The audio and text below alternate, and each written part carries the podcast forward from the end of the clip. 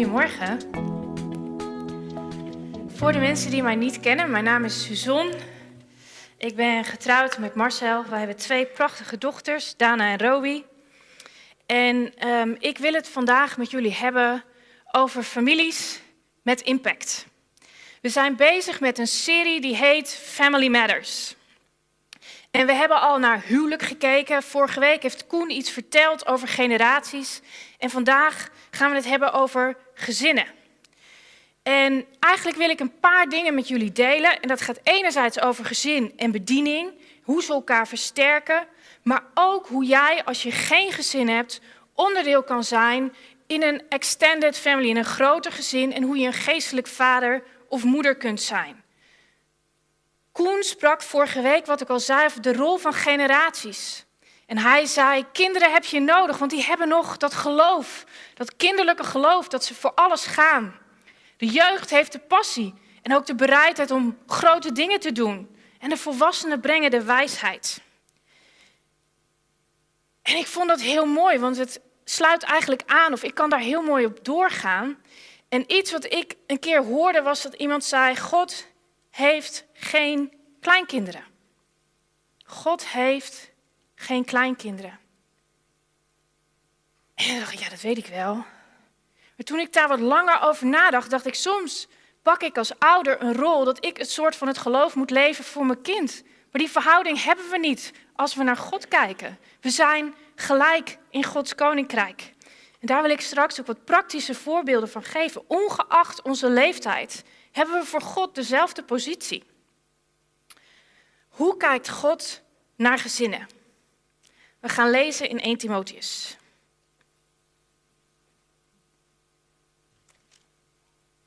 Ja, hij staat er al.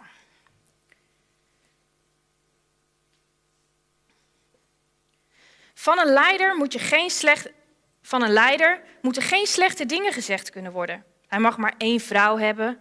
Hij moet nuchter, rustig, fatsoenlijk en gastvrij zijn. Ook moet hij goed kunnen lesgeven. Mag niet verslaafd zijn aan wijn, niet driftig zijn. Moet vriendelijk, vreedzaam zijn, geen ruziezoeker. Ook mag hij niet hebzuchtig zijn. Hij moet zijn eigen gezin en de mensen in zijn huis goed kunnen leiden. Hij moet zijn kinderen rustig en beheerst opvoeden. Want als iemand zijn eigen huis niet goed kan leiden, hoe zou die dan de gemeente van God kunnen leiden? En wat ik hier zo mooi in vind, is dat het eigenlijk al heel duidelijk laat zien dat ministry en gezinsleven ontzettend door elkaar heen lopen. Ze zijn aan elkaar verbonden. Je huwelijk, je gezin, het doet ertoe voor God. En hoe je je gezin runt, zegt iets over hoe je ministry kan doen of hoe je in de kerk betrokken kan zijn. Ik denk dat er geen conflict is tussen je gezin en je ministry als we goed naar God luisteren. Want Hij is de regisseur van allebei. Als Hij je roept om iets te gaan doen in zijn koninkrijk, is Hij niet vergeten dat Hij je ook geroepen heeft om een gezin te stichten. Hij zal je helpen om ze allebei goed te kunnen runnen. Het versterkt elkaar. Een ander gevoel wat deze tekst vaak bij mij oproept, en misschien bij jou ook wel, is dat je denkt: jemig. Wat een eisenlijst, wat een, wat een perfecte gezinnen hè, zijn dat hier in 1 Timotheus. Zo voelt het niet altijd. En um, ik vond een kaartje terug in mijn Bijbel die ik ooit had gekregen waar een aantal waarheden op staan over gezinnen. Die wil ik er graag aan toevoegen, want misschien voel jij je ook wel zo. God houdt ontzettend veel van onze gezinnen. En God is in controle in ons gezin. Ondanks alle problemen die we zien in de samenleving in gezinnen. En elke familie, elk gezin heeft soms problemen. En in elk gezin is af en toe een crisis. Daarin ben je niet alleen. Elke ouder maakt fouten. En de meeste overleven onze kinderen eigenlijk prima. En het is mogelijk om een gezond gezin te hebben in moeilijke omstandigheden. En goede ouders hebben soms rebellerende kinderen. Dit is ook Gods waarheid. En ik vond een mooie quote in het boek Huizen die de wereld veranderen. En misschien herken je je er als ouder in. Het opvoeden van kinderen neemt je volledig in beslag. Het maakt ons soms enthousiast en soms ook ontmoedigd. Het laat ons op, het zuigt ons leeg. Het brengt ons tot wanhoop en het doet ons bergen verzetten. Het laat ons lachen en huilen en soms weten we het niet meer waar we het zoeken moeten. Ik, ik wilde dit delen met jullie, want dat is ook hoe ik me soms voel in mijn gezin. En ik denk dat we ons als ouder allemaal af en toe zo voelen. Dat je het even niet meer weet. Of dat het toch een stukje ingewikkelder is dan dat je je misschien ooit had voorgesteld. Maar dat God nog steeds in controle is. En dat het nog steeds zijn plan is dat we kinderen hebben en ze opvoeden naar zijn evenbeeld. Gezinnen zijn onderdeel van Gods plan. Je zou naar je gezin kunnen kijken als een team die samen zijn grotere roeping voor de wereld uitvoert. Wat Marja al zei, er zijn hier kinderen die bezig zijn samen met hun ouders om deze dienst voor te bereiden. Ze werken als een team en dienen daarin samen God.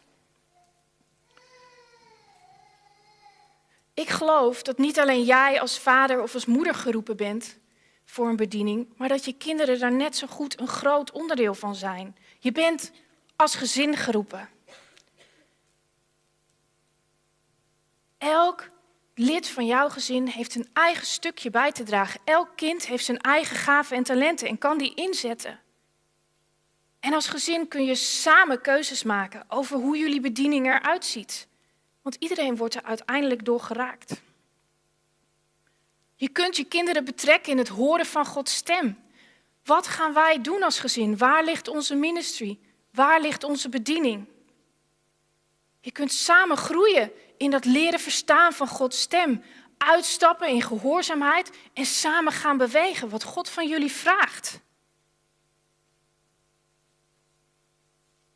Er is geen betere plaats voor jouw kinderen dan om te zijn in het centrum van Gods wil. Hoe moeilijk dat soms ook is. Hoe doen wij dat als gezin? Wij hebben heel veel vragen samen aan God voorgelegd.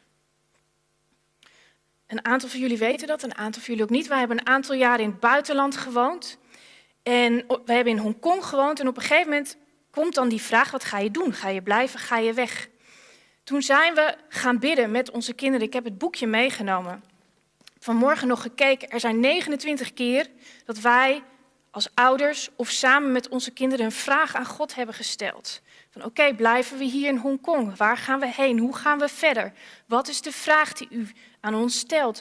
Naar welk werelddeel gaan we toe? Toen we dat helder hadden, naar welk land is dan de bedoeling God dat wij gaan verhuizen? Naar welke plek in dat land wilt u dan dat wij verhuizen? Onze kinderen zijn volledig onderdeel geweest van dat proces. Want zulke belangrijke beslissingen wilden we samen met hun nemen. Zij zijn net zoveel onderdeel van onze bediening als zendelingen dan dat wij dat zijn. Zij zijn net als wij missionaries. Is een spannend proces. Waarin je als ouders de richting geeft, waarin je als ouders nadenkt over: oké, wat is de vraag die we samen gaan stellen? Waarin we soms al met z'n tweeën hadden gebeden, dat we wisten: oké, we hebben het idee dat God die kant op wijst. Nu samen met de kinderen. Ook een moment dat God zei: Ik wil dat jullie eerst met elkaar gaan luisteren. Dat je je kinderen nu al betrekt. Ik ga niet eerst tot jullie als ouders spreken. Ik wil ook tot jullie vieren tegelijk. Spannende processen om je kinderen in die onzekerheid te brengen. Maar we hebben ons vastgehouden aan wat ik net zei. Als we zijn in het centrum van Gods wil, is dat altijd de beste plek voor je gezin. Als we dan geluisterd hebben, is het ook nog heel belangrijk dat, ik, dat de kinderen elkaar niet beïnvloeden. Dus wat we doen, we beginnen altijd bij de kleinste. Bij de jongste, die mag eerst vertellen. Wat heeft God tegen jou gezegd? Wat denk je dat je hebt gehoord? Soms is dat een, uh, heeft ze de Bijbel opengeslagen. Ik denk, ik denk die. Soms is het een kleur, soms is het een nummer, soms is het niks. En dan daarna de oudste. En dan gaan wij als ouders pas vertellen wat we gedeeld hebben. Dat het kind nooit het gevoel kan hebben, oh ja, ik zeg wel wat papa of mama zegt. De jongste eerst en dan door naar de oudste. God is gecommitteerd aan onze families. Ze zijn zijn hoeksteen. In deze samenleving, in deze tijd waarin we leven, zijn gezinnen belangrijker dan ooit. En jouw kinderen hebben een enorme bijdrage te leveren aan je gezin, maar ook in het uitleven van deze uh, bediening die God op ons als gezinnen heeft gelegd.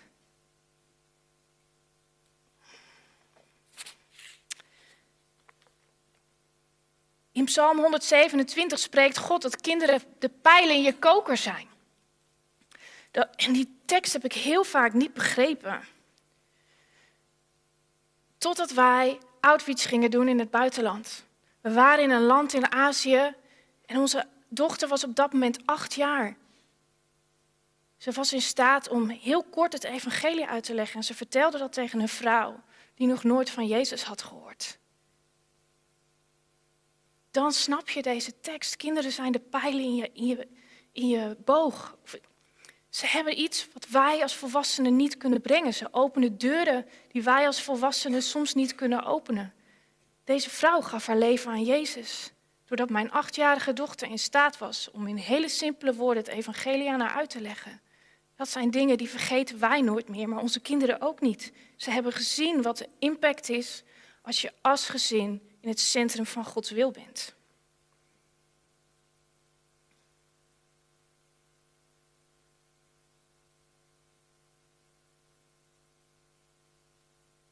In Portugal was er ook een prachtig moment dat we op Outreach waren. We waren helemaal niet zoveel aan het doen. We waren aan het zingen op de straat. We liepen allemaal pelgrims die onderweg waren om Maria te vereren, liepen langs. En een man die barst in tranen uit.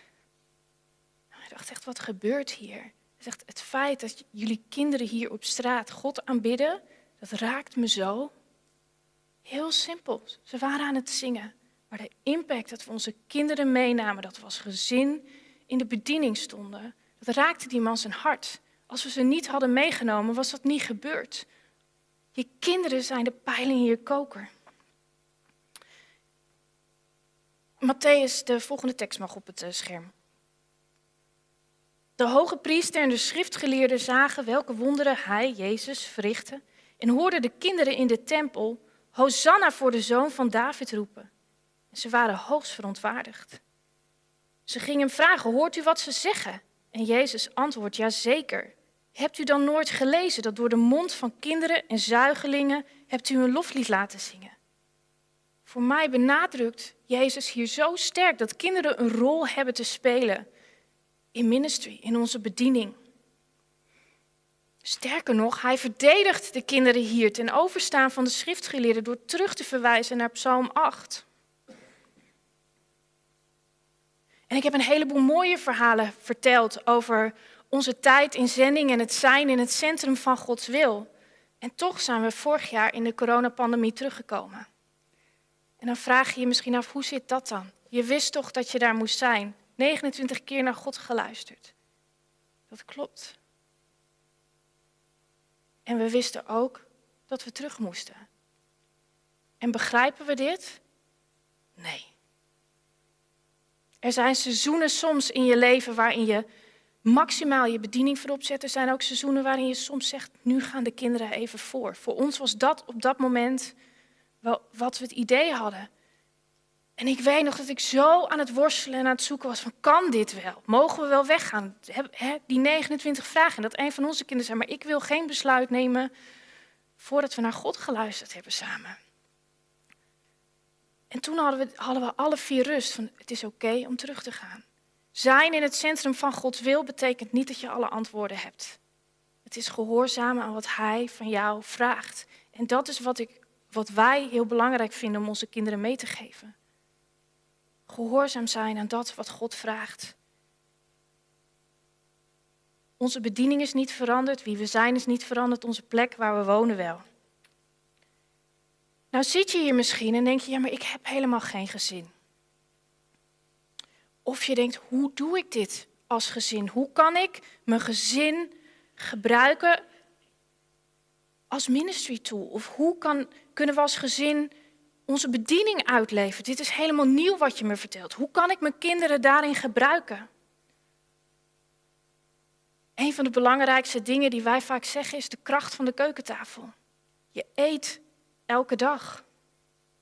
Je kunt het leven delen door samen te eten met anderen. In Lucas 7, vers 34 kun je lezen dat Jezus heel vaak de setting van een maaltijd gebruikte als methode van ministry, van zijn bediening. Hij had geen grote projecten. Hij runde geen scholen. Hij gaf geen workshop. Jezus at met mensen. Hij bouwde diepe relaties door maaltijden heen. Ik denk dat je door je huis open te stellen, door je keukentafel beschikbaar te stellen, door mensen uit te nodigen, als gezin echt een, een plek van bediening hebt. Het kan doorgroeien nadat je een geestelijk vader of een geestelijk moeder wordt voor een extended family, voor een groter gezin dan je eigen gezin. En dat zie je eigenlijk ook in de Bijbel al gebeuren, waar de discipelen drie jaar optrokken met Jezus, waarin die investeerden in hun relatie bouwden, samen het leven leefden. Paulus doet dat met Timotheus, Elia en Elisa doen dat ook. Ze delen het leven samen. Dat geestelijk vaderschap, daar spreekt Paulus zelfs over in Galaten 4. Hij zegt, kinderen, zolang Christus geen gestalte in u krijgt, doorsta ik telkens barensweeën om u. Hoe graag zou ik nu willen, willen, bij u willen zijn en op een andere toon met u spreken, want ik maak me zorgen om u. Hier zie je eigenlijk uit dat Paulus verwijst naar een vader-kindrelatie. Je gezin kan groter worden als je je openstelt om mensen in je huis op te nemen of om je tafel beschikbaar te stellen. Paulus was een, geestelijk vader voor de jongere generatie. Mensen kunnen geestelijk groeien als er geestelijke vaders en moeders om hen heen staan. Ik denk dat dat een van de kostbaarste dingen is in onze tijd in Hongkong. Wat wij deden was een paar keer per week jonge singles uitnodigen in ons huis om met ons mee te eten. Wij waren in staat om er voor hun te zijn. Konden in hun leven investeren, maar tegelijkertijd investeerden zij zoveel in onze kinderen. Door verhalen te delen over wat God doet in hun leven. Door geweldige stories te delen over God, wie Hij is. Brachten zij zoveel rijkdom in ons gezin. En wij waren in staat om te zaaien in hun leven. Geestelijk vader en moederschap werkt dan bijna twee kanten op. Wat ik daarin gezien heb, is dat onze kinderen enorm bevestigd werden. Als ouder kun je ze een heel eind brengen, je kunt dingen voorleven. Maar soms helpt het zo als je iets hoort van iemand anders. Een jeugdleider. Iemand aan je keukentafel die iets kan bevestigen tegen hun. Iets wat, wat ze zien, wat God in hun gelegd heeft. Onze kinderen zijn ontzettend bevestigd in hun identiteit door die mensen aan onze keukentafel. Door de spelletjes die ze soms deden. Het is zo, soms zo simpel. Samen tijd doorbrengen, samen het leven leven. Maar het heeft hun ook zo verrijkt.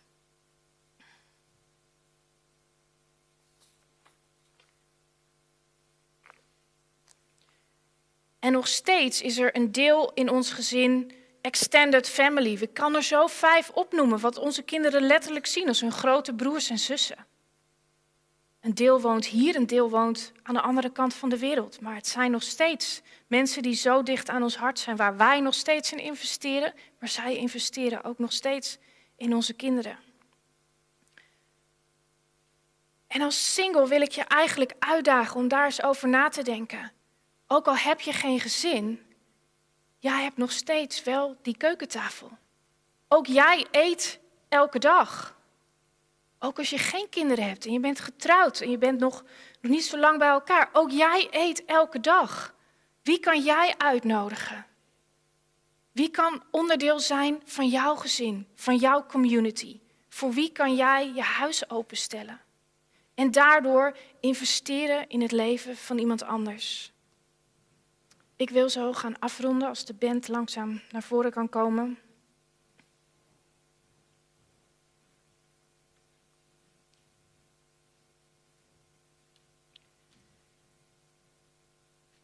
Gezinnen zijn zo Gods plan. Kinderen zijn net zozeer onderdeel van Gods gezin als jij en ik. En ik denk dat door de voorbeelden heen die ik heb laten zien, dat we weten dat God ons allemaal roept om bij te dragen aan de groei van de volgende generatie. Aan de groei van, geestelijke van geestelijk vader en moederschap. En aan de groei van Gods koninkrijk door jouw gezin heen.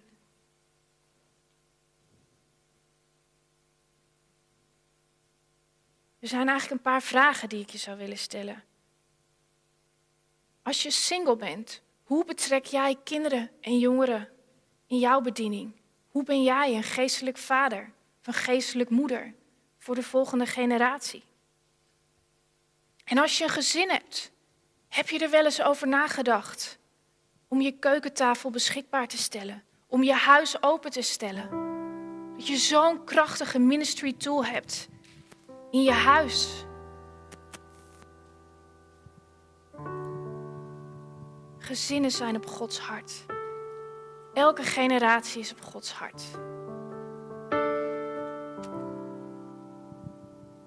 En ik zou graag met jullie willen bidden. En aan God willen vragen of hij ons wil laten zien hoe we dit praktisch kunnen maken in ons dagelijks leven. Willen jullie gaan staan?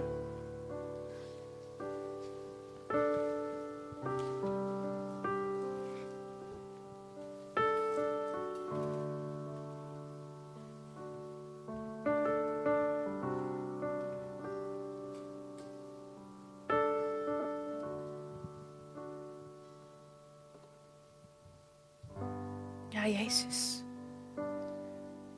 Dank u wel, God, dat u zoveel van ons houdt. Dank u wel dat u goed bent.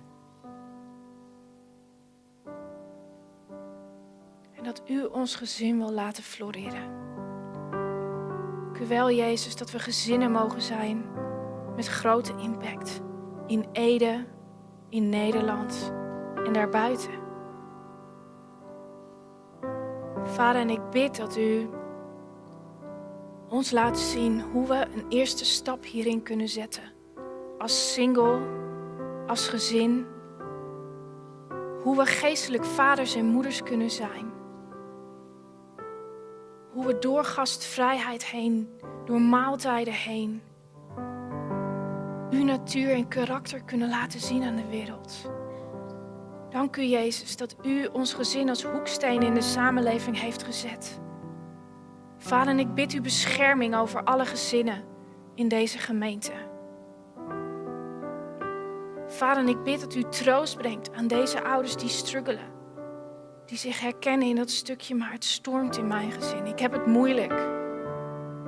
Vader, ik bid dat u herstel en rust en genezing brengt.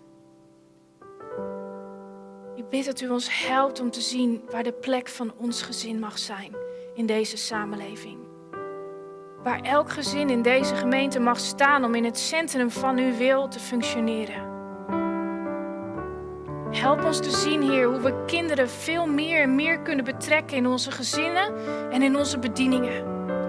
Dat ze er niet toevallig achteraan lopen, Vader, maar dat ze net zo'n belangrijke rol hebben als wij. Dank u wel, Jezus, dat u ons helpt elke dag opnieuw om achter u aan te gaan, om als gezin achter u aan te gaan, om te groeien in geestelijk vaderschap en in geestelijk moederschap. En ik bid, Jezus, dat u ons helpt en opnieuw inspireert door uw Heilige Geest op dit moment. Daal op ons neer, dat u dat aanraakt, Vader, wat aangeraakt moet worden, waar misschien herstel of genezing nodig is. Of daar waar u ons wilt inspireren en een spark wil brengen in iets wat we nog niet deden. Spreek tot ons, Vader, op dit moment. In de tijd die we nu nemen om naar u te luisteren. In Jezus' naam.